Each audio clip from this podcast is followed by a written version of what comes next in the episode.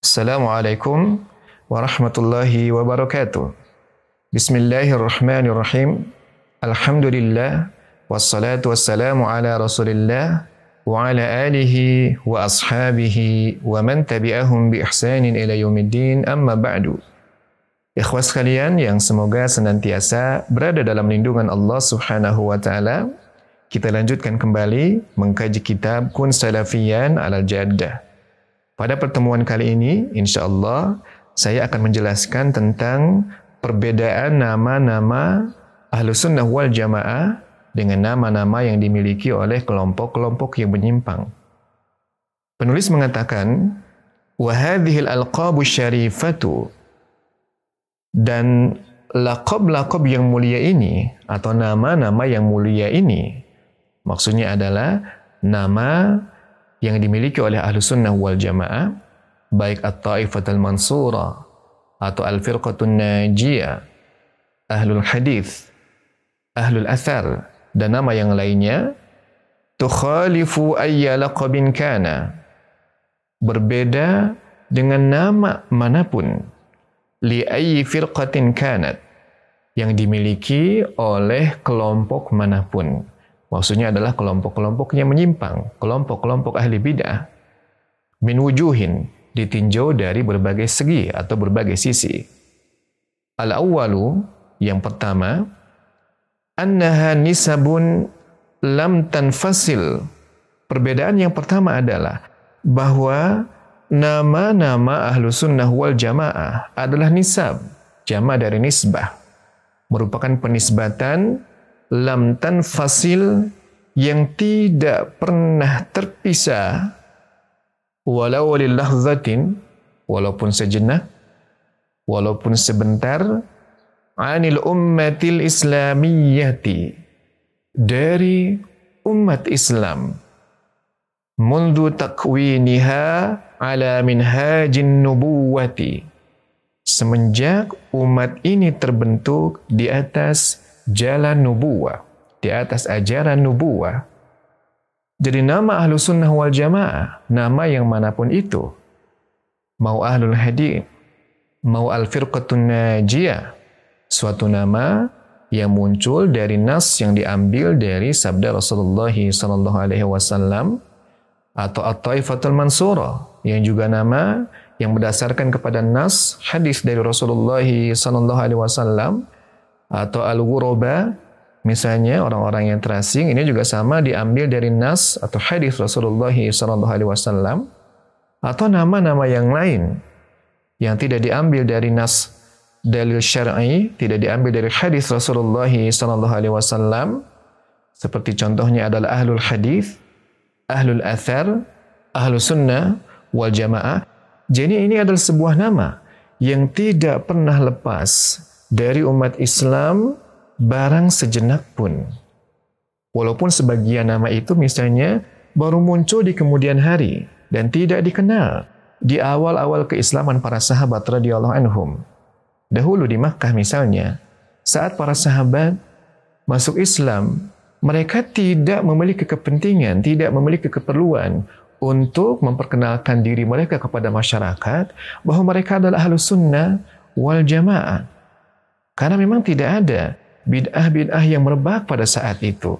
Mereka juga tidak perlu memperkenalkan kepada masyarakat, mengajarkan kepada masyarakat bahwa mereka adalah ahlul hadis, ahlul athar itu tidak diperlukan.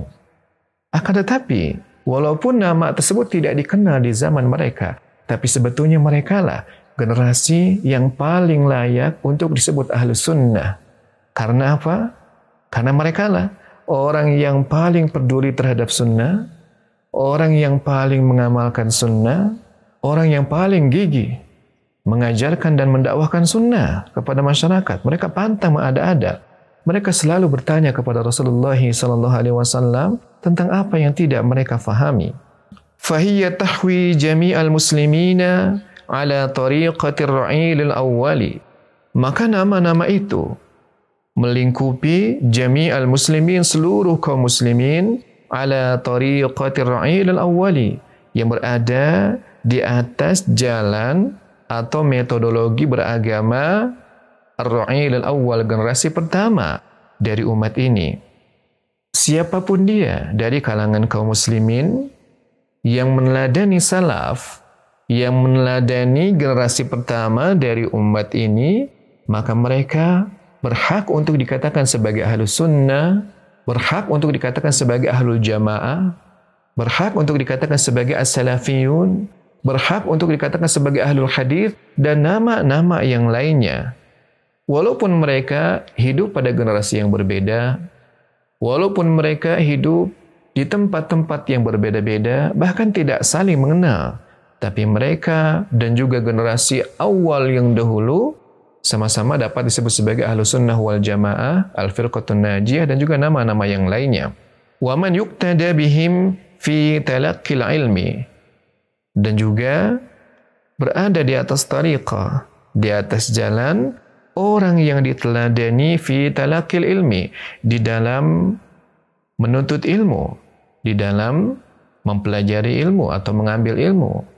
Siapa pun yang berada di atas manhaj atau tariqah yang menjadi teladan maksudnya adalah generasi salaf, generasi para sahabat radhiyallahu anhum yang salih, maka mereka adalah ahlu sunnah wal jamaah. Wa tariqati fahmihi dan juga berada di atas tariqah mereka, di atas tariqah salaf di dalam memahami ilmu. Wa bi tabi'ati da'wati ilaihi dan juga berada di atas jalannya para salaf, di atas jalan generasi teladan di dalam mendakwahkan ilmu. Jadi siapa saja yang di dalam menuntut ilmu, memahami ilmu, mengamalkan ilmu, mendakwahkan ilmu, mengikuti generasi pertama dari umat ini, yakni mengikuti salaf, maka mereka lah ahlu sunnah wal jamaah di generasi mana pun itu. Daruratun khisaril firqatin najiyati dan terjadinya pembatasan penamaan al-firqah an-najiyah, kelompok yang selamat, fi ahli sunnati wal jamaah, bagi ahli sunnah wal jamaah, wahum ashabu hadal manhaj, di mana mereka adalah orang-orang yang berada di atas manhaj ini. Maksudnya adalah al-firqatun najiyah, mereka lah golongan atau kelompok yang berada di atas manhaj ini. Di atas jalannya ar-ra'ilul awwal, generasi pertama, baik di dalam menuntut ilmu, di dalam mengamalkan ilmu, dan di dalam mendakwahkan ilmu. Wahia la tazalu baqiyatan ila yaumil qiyamah. Dan di mana kelompok ini, yakni al-firqa an-najiyah, kelompok yang selamat dari bid'ah di dunia, dan kelompok yang kelak akan selamat dari kobaran api neraka jahanam, akan senantiasa ada sampai hari kiamat. Maksudnya adalah sampai menjelang hari kiamat. Akhdan min qawlihi sallallahu alaihi wasallam berdasarkan kepada sabda Rasulullah sallallahu alaihi wasallam la tazalu ta'ifatun min ummati akan senantiasa ada suatu kelompok dari umatku mansuratan alal haqqi yang menang atau tampil di atas al-haq, di atas kebenaran. Jadi di sini penulis sedang menjelaskan mengapa laqab atau sebutan al-firqah an-najiyah, kelompok yang selamat, itu hanya cocok disematkan kepada ahlu sunnah wal jamaah. Tidak cocok disematkan kepada ar-rafidah. Tidak cocok disematkan kepada jahmiyah. Tidak cocok disematkan kepada mu'tazilah. Itu dikarenakan karena at-taifatul mansurah seharusnya adalah orang-orang yang berada di atas minhajin nubuwah. Di dalam beragama, mereka tidak melenceng dari apa yang telah diajarkan Nabi sallallahu alaihi wasallam. Dan mereka juga tidak menyimpang dari apa yang telah dicontohkan oleh para sahabat radhiyallahu anhum, oleh para salaf itu. Para sahabat di dalam mempelajari ilmu, maka mereka hanya mengambil ilmu dari Al-Quran dan Sunnah. Mereka tidak mengambil syariat itu dari semata-mata akal mereka, tidak. Para sahabat, di dalam mengamalkan ilmu, mereka tidak semata-mata berdasarkan dari apa yang mereka pahami, tidak. Mereka bertanya kepada orang-orang yang memahami ilmu tersebut. Mereka tidak memahami hadis serampangan. Mereka tidak memahami Al-Quran serampangan, tidak. Tapi mereka mengamalkan sebagaimana yang diamalkan oleh Rasulullah wasallam tanpa mengurangi dan juga tanpa menambah-nambah. Maka dengan demikian hanya ahlu sunnah wal jamaah yang layak, yang pantas digelari at-taifah al-mansurah, kelompok yang tertolong. Atau juga hanya ahlu sunnah wal jamaah yang pantas untuk digelari al-firqah an-najiyah, kelompok yang selamat. Yang tentunya berbeda dengan Mu'tazilah misalkan. Kenapa mereka tidak pantas untuk disebut sebagai at-taifah al-mansurah, kelompok yang tertolong yang disebutkan oleh Rasulullah wasallam atau mereka juga kenapa tidak cocok untuk disebut sebagai al-firqatun najiyah, kelompok yang selamat? Disebabkan karena mereka tidak berada di atas manhaj para pendahulu umat ini. Di dalam akidah, mereka memiliki akidah yang tidak diajarkan oleh para sahabat radhiyallahu anhum, di mana Mu'tazilah ini mereka mengingkari sifat-sifat Allah Subhanahu wa taala. Bahkan mereka mengatakan bahwa para pelaku dosa besar kelak akan kekal selama-lamanya di dalam neraka jahanam. Yang tentunya pendapat-pendapat ini menyelisihi pendapat-pendapat ahlu sunnah wal jamaah. Ikhwas sekalian, demikianlah yang bisa saya sampaikan pada kesempatan kali ini.